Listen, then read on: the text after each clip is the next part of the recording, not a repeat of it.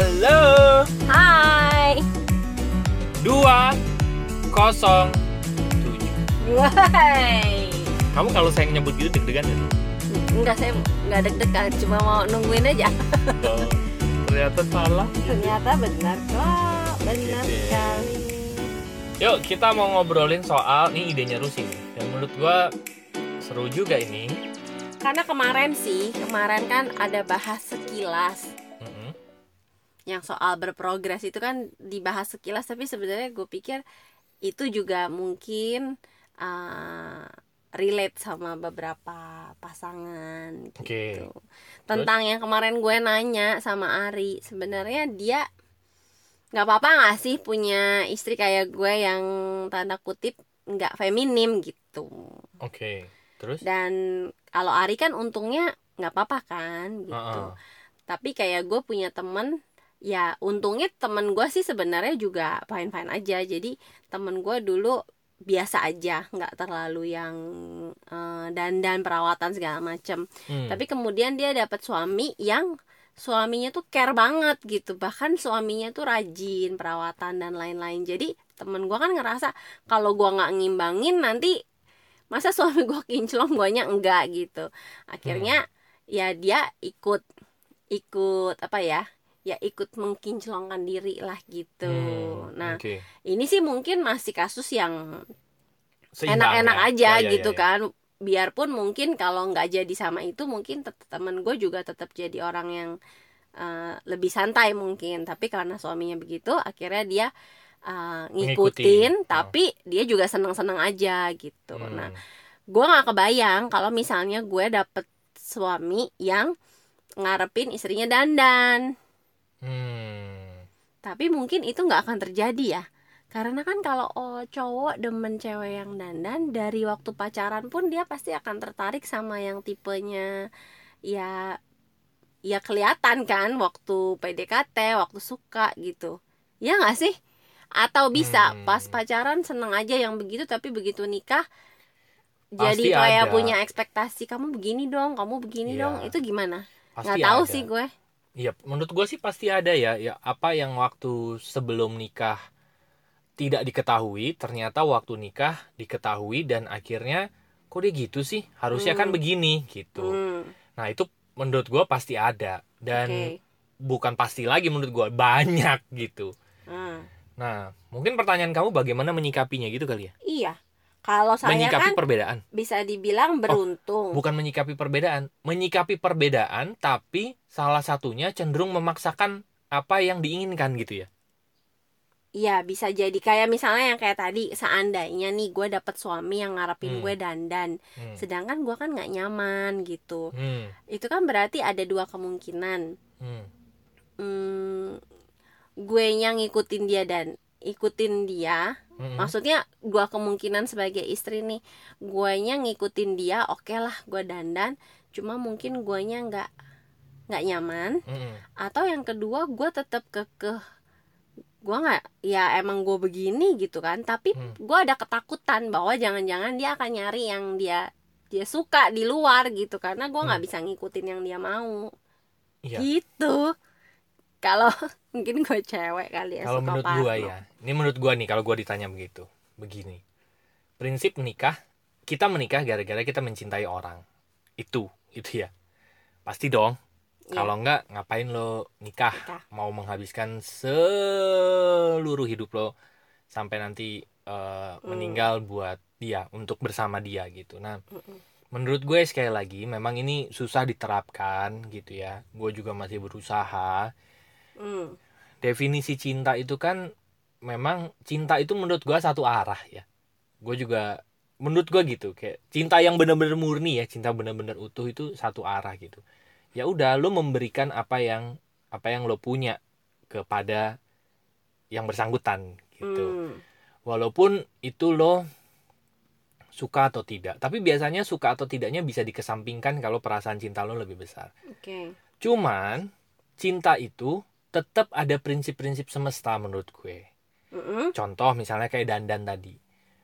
Eh ternyata pasangan gue suka kalau gue dandan ya karena lo mencintai dia ya lo dandan aja gitu itu kan lo nggak melanggar prinsip semesta apa pun kalau lo dandan Ah, oke ya jadi kan me- ya menyesuaikan ego aja gitu bener cuman kalau Oke. misalnya gini lo dituntut ya, ya, ngerti. untuk bareng-bareng lakuin sebuah pekerjaan tapi pekerjaan itu sebetulnya nipu orang misalnya gitu Iya iya iya iya. Itu terus- kayak American Hustle iya gitu kan kita nonton.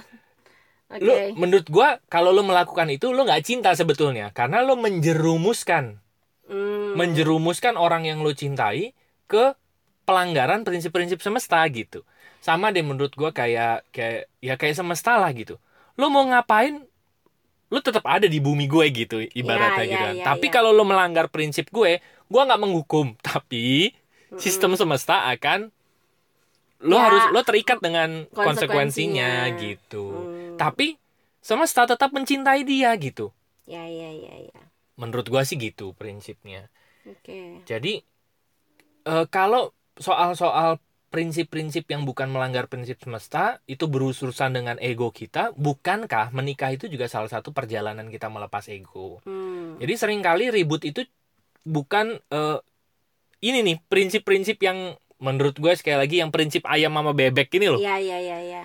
prinsip yang Jadi sebenarnya nggak mendas gimana ya? nggak mendasar Nggak mendasar dan sebenarnya bukan hal yang penting dalam hidup gitu ya. iya betul Jadi kalau untuk yang kayak gitu-gitu ya udah men- saling menyesuaikan aja. menyesuaikan, gitu. bener. Oh Nah, oke. sambil- Sama kebalikan juga ada cewek yang gitu juga ke cowoknya. ya Demen cowoknya tuh yang eh, necis gitu kan. betul nah Ada yang cuek aja ya. Cuman begini, kalau pasangan lo menuntut dan dia menuntut gara-gara luka, sebuah luka atau luka emosinya dia, Mm-mm. tugas kita sebagai pasangan adalah membantu dia mengobati lukanya tersebut supaya tuntutannya itu lama-lama bisa hilang.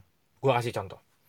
Ya. Contoh, misalnya pasangannya itu pengen ditemenin terus gitu. Kalau nggak ditemenin ngambek. Oh, misalnya gitu ya. Oke. itu kan nuntut terus kan terus kalau misalnya eh, si pasangannya kerja lembur misalnya contohnya Mm-mm. kerja terlalu larut padahal ya memang disuruh bosnya segala macam pulang diomelin setiap kayak gitu Mm-mm. setiap kejadian kayak gitu eh, pola Berantem. seperti itu yang terjadi gitu ya berantem nggak enak nah kalau lu nur- nurutin Mm-mm. nurutin ya udah gua eh, lebih sering sama dia terus berarti kan lu cenderung eh, apa eh, berat ke sisi itu gitu Benar. sedangkan kita punya sisi kehidupan yang lain kan Iya. gitu nah kita perlu telaah dulu lo kenapa sih pasangan gue ini min- selalu minta ditemenin gitu Hmm. oh ternyata waktu kecilnya pa- papa mamanya kerja dia selalu sendirian di rumah Oke. Nah, berarti kan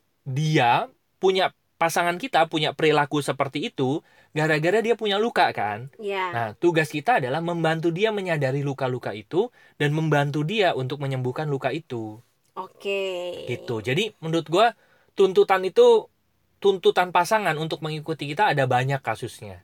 Gitu. Kalau Hmm. tuntutan yang sifatnya remeh-remeh gitu ya menurut gua ya.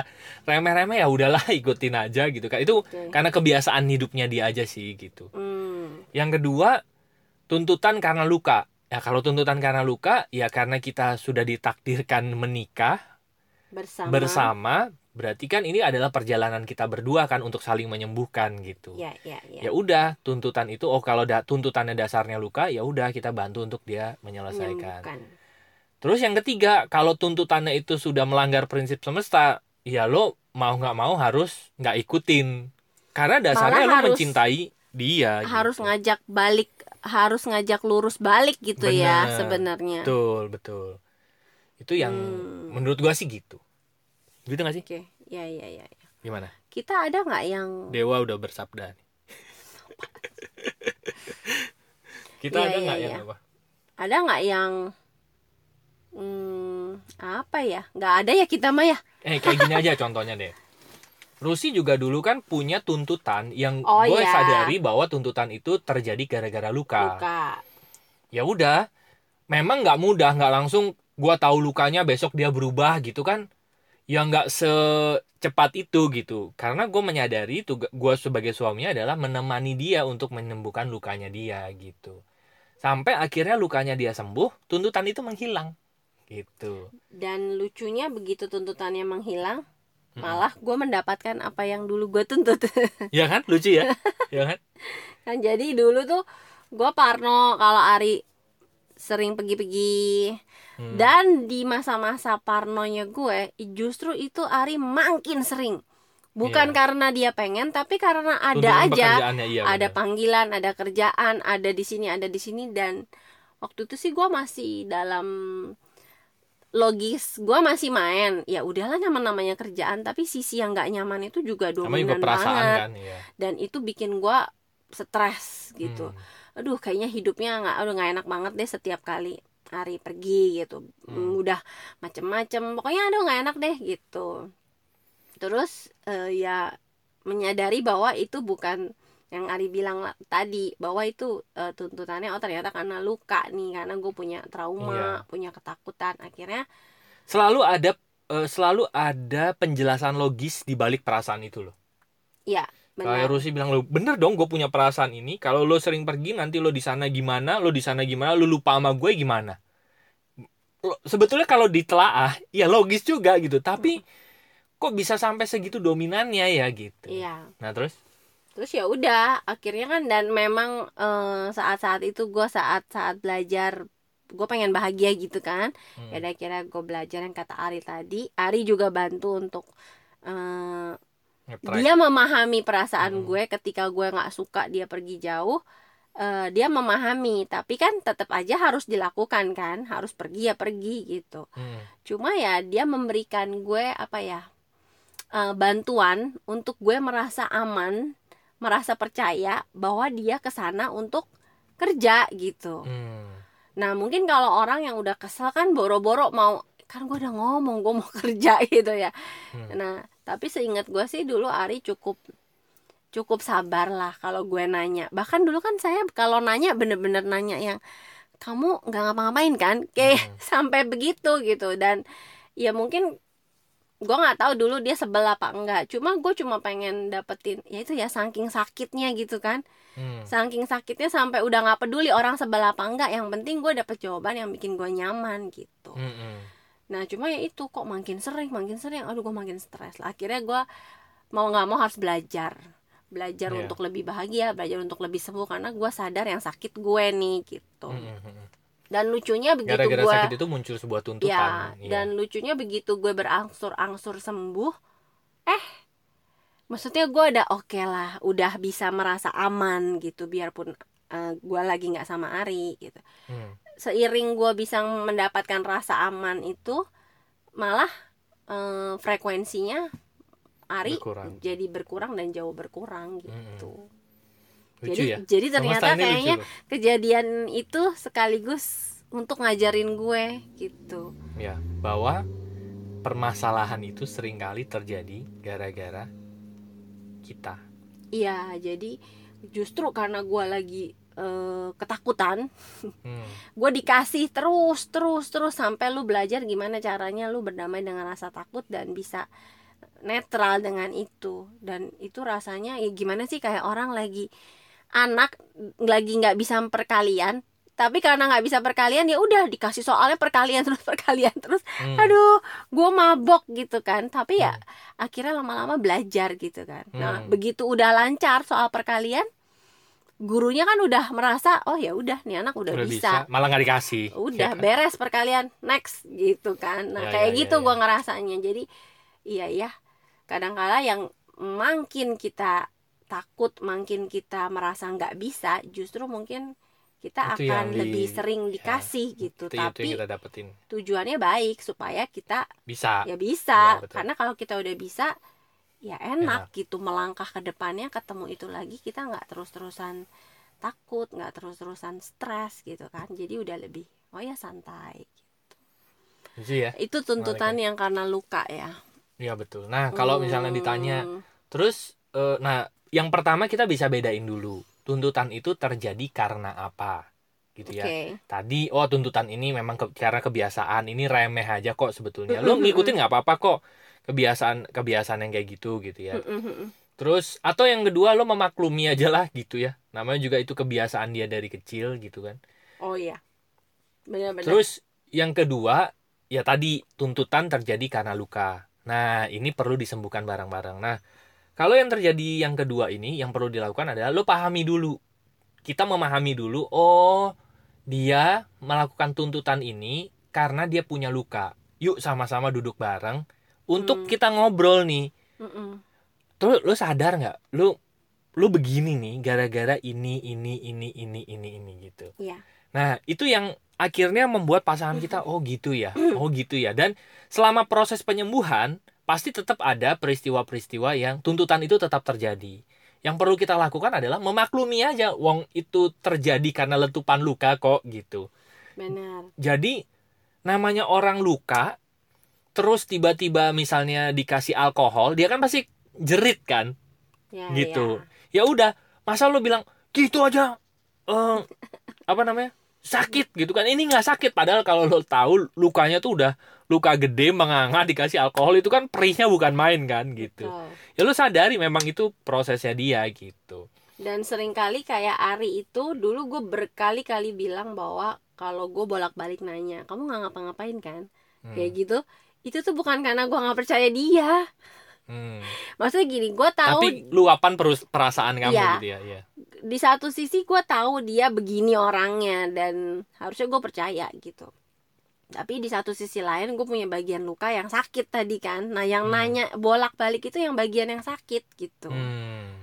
Nah, pengetahuan Ari di hipnoterapi cukup untuk bisa memahami bahwa ada bagian diri gue yang sebenarnya mau percaya, mau nyantai aja gitu kalau Mm-mm. jauh, tapi ada bagian diri gue yang sakit yang ini nih yang yang masih rese gitu. Mm-mm. Tapi ya nggak bisa disalahin dia rese gitu kan. Iya. Nah, itu eh, untungnya kalau eh, pasangan tuh memahami di balik itu karena kalau nggak ngerti bisa jadi si Ari malah ngerasa nangkepnya lain kan Hmm. kok gue nggak dipercaya sih kalau gitu sekalian aja gue begitu gitu kan Hmm. tapi kan untungnya dia nggak menangkap itu sebagai gue nggak percaya sama dia gitu tapi lebih dia liatnya oh nih anak lagi Lagi lagi sakit sakit gitu jadi Dulu anaknya nggak nggak lagi sakit sih. Ada satu bagian Satu dirinya bagian yang diri. lagi eh, menjerit kencang bahwa dan dia dan pengen itu yang lagi dominan Iya. gitu itu. Nah, itu sih yang kedua gitu. Lo per- kita perlu sama-sama nih suami dan istri perlu menyadari bahwa tuntutannya tuntutan itu terjadi gara-gara apa luka ya gitu. gitu Ya udah, kita berproses ya bareng-bareng nyembuhin luka lo gitu. kalau yang Nah, terus ibu rumah tangga wanita karir itu juga sering ya maksudnya? ada ada suami yang pengen istrinya jadi oh ibu iya rumah iya iya tangga iya. aja Iya iya iya iya. ada suami yang pengennya istrinya ya kerja lah gitu Iya. ada sih yang ngebebasin ya lo kamu mau Bebas kamu aja mau apa terserah gitu Iya. Tapi kadang-kadang kayak gitu juga. Ya kalau itu sebenarnya nggak melanggar prinsip alam tadi ya.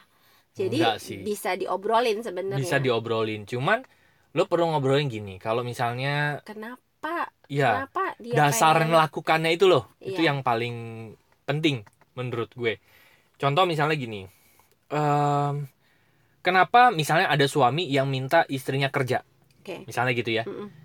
Gue pengen lo kerja deh kayaknya nggak enak kalau di rumah gitu Mm-mm. loh bentar bentar bentar itu harus ditanya dulu kenapa lo pengen istri lo kerja ya Kemung kalau misalnya dasar emosinya gini aduh gue malu nih kalau istri gue di rumah aja kayaknya istri gue kalau dicap ibu rumah tangga tanda kutip aja itu kayaknya nggak nyaman buat gue gitu kayaknya Hmm. malu gitu istri gue Hmm. cuman tanda kutip ibu rumah tangga aja gitu nah Hmm.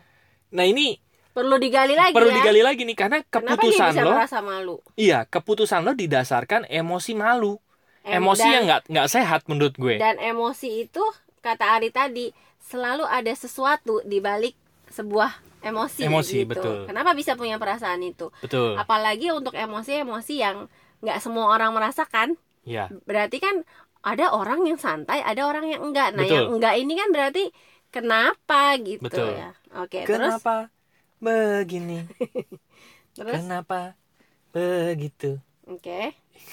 Aku ingin Dia lanjutin tahu loh ya. Kenapa begitu? Emang begitu ya lagunya? Iya, jadi itu Oh, mungkin eh, lagu itu yang yang membuat saya pengen jadi hipnoterapis. Kepo. Iya, tapi pertanyaan kenapa itu pertanyaan yang membuka ini loh, apa sih lapisan demi lapisan. iya. Kalau mau paling gampang nih ngebuka itu aja terus tanyain kenapa? Iya. Kok gue begini ya? Oh kayaknya karena gue dulu gini gini kenapa? Kenapa gitu. Iya. kenapa itu mengganggu gue? Tapi perlu Ah, jujur. iya, iya, iya, benar. Iya. perlu kejujuran dan apa menanti tuh iya saya mau kejujuran. nanya itu. Kayaknya ada lagu kejujuran. Nah, eh, itu dulu. Jadi eh, dengan satu peristiwa kita eh, perlu nanya dasar emosi kita untuk mengambil keputusan apa gitu. Nah, Hmm. Kalau dasarnya gara-gara perasaan malu, perasaan apa takut, terus perasaan apa lagi ya? Ya bla bla bla bla bla. Mm-mm. Kita perlu tinjau ulang. Tapi kalau misalnya gini, gue pengen istri gue kerja, karena, karena dia tuh sebetulnya punya potensi kerja gitu dan gue tahu dia tuh butek banget kalau dia di rumah misalnya kayak Oh, gitu iya. Itu bisa dipertimbangkan lebih lanjut gitu. Hmm. apa? Itu itu keputusan yang mungkin itu dasarnya adalah karena lo eh karena pertimbangan logis ya Pertimbangan logis. bukan pertimbangan Iya. eh, emosi betul. Gitu nah terus soalnya dia kalau di rumah dia benar-benar wah berantakan lah dia bilang gitu ya. Ya udah. Nah contoh-contoh kayak gitu tuh ya. Yang pasti dasar emosinya oke dulu gitu jadi Hmm. gue sih nggak kita berdua nggak bisa ngejudge satu peristiwa ini ini dasar emosinya bener atau enggak nggak bisa juga gitu Iya, karena setiap orang punya pengetahuan yang berbeda di balik dia mengambil keputusan itu gitu Iya. gitu Benar, sih benar, benar. menurut gue Hmm. kalau menurut Jadi- kamu gimana jadi kalau menurut gue pentingnya juga untuk menyamakan apa ya? Menyamakan frekuensi menyamakan visi. Iya. itu pas pacaran. Hmm ya ya ya, ya. jadi pacaran itu benar-benar untuk eh, apa ya? Untuk ngobrol. Betul. Untuk ngobrol sama Terus tahu kebiasaan. ngebuka, iya, iya. eh, diri gue tuh begini diri dia tuh Aku begini. begini. Iya karena kalau itu udah, Udah dapat, maksudnya gini iya, kalau kalau nggak kalau itu ngerasa nggak cocoknya ada bedanya di pacaran kan masih bisa ya Iya, anggaplah masih bisa bener. oke lah berarti kita nggak bisa apa-apa dibanding kalau ketahuannya kalau pas udah nikah itu kan kayak ya udah berarti udah lo harus terima itu sebagai jalannya melepas ego Iya, eh, saling menyesuaikan, udah nggak bisa lagi udahan dan nyari yang lebih sesuai kan udah nggak bisa gitu Iya. kan. Jadi eh, jauh lebih baik kalau itu ketahuannya dari pacaran. Seandainya Iya. kita udah tahu oh dia begitu nggak sesuai tapi emang bener-bener cinta ya berarti kita akan tahu bahwa di pernikahan kita akan menghadapi ya penyesuaian untuk hal yang itu. Mm-mm. Ya tapi nggak apa-apa karena udah tahu dan gue emang cinta gitu. Mm-mm. misalnya kayak gitu. Lain cerita kalau yang pas udah nikah baru ngobrol dan ternyata beda. Lah, kok begini? Terus gimana? Gitu kan. Kalau gue juga begitu. Hah? Kok dia begitu? Tapi gue suka Iya kan Iya kan gue dapat bonus banyak Apa sih? jackpot ya Iya. ya ya ya ya jadi oke deh banyak kejutan Mm-mm. jadi kalau bisa kejutan setelah nikahnya itu yang baik-baik ya Iya. walaupun enggak juga sih gue yang udah pacaran lima tahun aja merit masih Oh, Apaan kita kenal udah sih? dari kelas 5 SD Oh. tetap ta- eh, pas udah nikah. Hah? Kok soalnya begitu? ini Kok yang paling gua kesel kan yang gua nggak pernah tahu pas pacaran adalah karena eh, ini kebiasaan kalau tidur. Ya kalau pacaran kan ya udah pacaran aja kan. Hmm, biarpun seharian bareng tapi begitu tidur ya, udah. pulang dong. Nah Ya. begitu nikah gua nggak bisa tidur kalau terang. Gue tuh harus harus mati dulu lampunya baru gue bisa merem. Ari itu nggak bisa eh, maksudnya kalau dia tidur dia lebih enak sambil TV nyala. Ya, TV Walaupun nyala. nggak ada suara. TV nyala terus dia ketiduran. Ya berarti kan lampu dalam keadaan nyala kan? Hmm. dan yang bikin gue bete gue mah iya nungguin ya nungguin sampai dia tidur gue mau matiin lampu terus gue tidur gitu kan. Gue udah ngantuk-ngantuk kok nih anak nggak nggak udahan-udahan nonton TV-nya lah pas gue lihat dia udah tidur itu gitu kan gue gue bisa matiin lampu dari tadi. Dan itu sering banget dan gue akhirnya kesel. Dan karena kesel gue nggak bisa tidur. Dan karena nggak bisa tidur gue tambah kesel. Jadi keselnya tuh triple. Udah kesel karena gue nungguin nggak beres-beres ternyata orangnya udah ngorok. Udah gitu gue kesel. Terus karena gue emosi perasaan ngantuk gue hilang kan. Hmm. gue jadi seger lagi gue jadi nggak bisa tidur. Dan karena gue nggak bisa tidur gue kesel. Karena gue pengen tidur Tapi sudah berlalu kan. iya sekarang gimana ya Sekarang gue tidur tidur aja mau mau terang mau gelap. Oh sekarang oh gue soalnya tidur anak-anak belum tidur, ya kan? soalnya gue eh, dan Ari cukup eh, menyesuaikan karena nggak ada lagi nonton TV Hmm. ya nggak sih kalau mau tidur udah TV matiin gitu kan Karena gini ya, gue kenapa dulu dari dulu nih ya, gue tidur tuh lampu masih nyala segala macam gitu. Karena gue tuh penakut sebetulnya.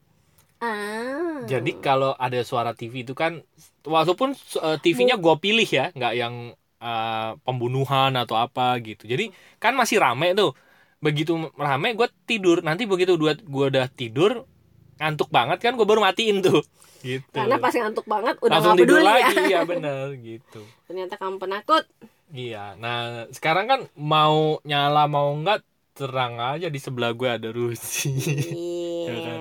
Iya. gitu. Nah, dasar-dasar emosi kayak gitu juga perlu tahu loh gitu. oh iya iya dan dulu Seru gue nggak pernah nanya sama dia Iya. kenapa sih harus pakai TV hmm Seru kan gitu. iya iya Jadi menurut gua ya? kalau Mm-mm. kita punya pasangan penuntut hukum apa dodol Iya kalau kita merasa pasangan kita adalah tipe penuntut nanti dulu gitu. Coba bedain eh, kita perlu tahu dulu dia tipe penuntut yang mana gitu. Setelah itu tipe 1, tipe 2 atau tipe 3. Kalau tipe 3 sih agak susah ya. apa ya Tadi tipe loh. satu apa Tipe 1 tuh dia menuntut karena kebiasaan-kebiasaannya dia. oke Mungkin karena apa kayak gua tadilah tidur, Mm-mm. TV nyala gitu kan. Itu kan kebiasaan-kebiasaan yang mungkin mengganggu Rusi dan bukan mungkin memang iya mengganggu Rusi gitu kan. Mm-mm. Itu kan bisa dinegosiasikan kan sebetulnya. oh yang tadi yang kayak dandan gitu Iya dandan. oke Bukan bukan sesuatu yang prinsipil iya itu karena kebiasaan aja gitu. oke Narok narok kunci, odol odol segala an- macam itu kan ya, itu juga bisa membuat keributan sebetulnya. Karena rapi sih? berantakan Iya. bubur diaduk apa enggak Nah, iya kan? I- eh ini nyata beneran. Om sama tante gue pernah berantem gara-gara bubur. Tante Aduh. gue nggak suka diaduk. Terus diadukin. om gue diaduk. Terus om gue kan makan diaduk. Tante gue ilfil liatnya. Nah ini loh. Iya. begitu udah jadi pasangan merasa berhak gitu. Ya. kok diaduk sih? Diaduk tuh apa geli gitu loh liatnya. Lah kan yang makan om gue ya. Jadi yang merasa terganggu tante gue mereka berantem. Nah, ini Itu lucu. ini ini terjadi gara-gara kebiasaan sebetulnya. Kebiasaan yang terus diulang diulang diulang dan akhirnya saling eh, apa memasukkan kebiasaannya Iya. satu sama lain berharap sama gitu benar. ya Udahlah, masuk masukin di tempat yang benar saja lah ya gitu cukup kan. cukup ya Nah, ya sudah kalau bisa beda kebiasaan ya anggaplah itu sebuah perbedaan. oke Itu aja udah. Gue memang beda kebiasaan sama dia gitu. Ini yang tipe satu Ini yang tipe satu. Nah, Tipe tipe, dua? kedua penuntutan yang terjadi karena luka. oke Tadi ya. kayak contoh kasus Rusi tadi gitu ya. Mm-mm. Ter, ya itu perlu dibedain dulu ya gitu ya. Mm-mm. Nah, terus yang ketiga dia menuntut tapi melanggar prinsip semesta. oke Tuntutan-tuntutan seperti itu gitu. Nah, kita perlu bedain dulu. Biasanya sih yang paling banyak tipe 1 sama tipe 2. gitu. Nah, tipe sebetulnya- tiga ya Tipe 3 ini kalau dia menuntut tapi melanggar prinsip semesta ya kita nggak bisa kompromi. Tipe 1 sama tipe 2 ini sangat bisa dikompromikan. tipe satu kan karena kebiasaan tipe Iya, dua ngobrol. karena luka. Karena luka. tipe tiga kak yang melanggar semesta Betul. Ah. Kalau itu kan ya nggak bisa kompromi lagi. Yang lo lakuin itu udah Just- melanggar prinsip-prinsip. Gua nggak bisa kompromi lagi soal yang ini gitu. justru kalau gue ngikutin aja berarti gue nggak jadi pasangan yang baik dong karena gue Bener. nggak Sebetul. Gua nggak mencintai lo sebetulnya Ya, karena bener. gua lo apa? Gua menjerumuskan lo membiarkan iya ke eh, pelanggaran-pelanggaran semesta gitu. Tapi kalau prinsip ke pertama dan kedua ini menurut gua sangat bisa dikompromikan. benar gitu. benar benar Asal tahu dasarnya apa gitu, a- akarnya apa gitu. ya benar Nah, sekali Seringkali pasangan itu membahasnya membahas ini loh, simptom namanya. Permukaan, kayak misalnya contoh gini, ini kunci nih, ini tipe satu ya. iya iya Ini kunci kamu kenapa sih nggak narok gitu kan? Mm-mm. Lah, terus nanti pasangan lah emang kenapa? Emang gua begitu gitu. Jadi ributnya itu ribut di situ terus.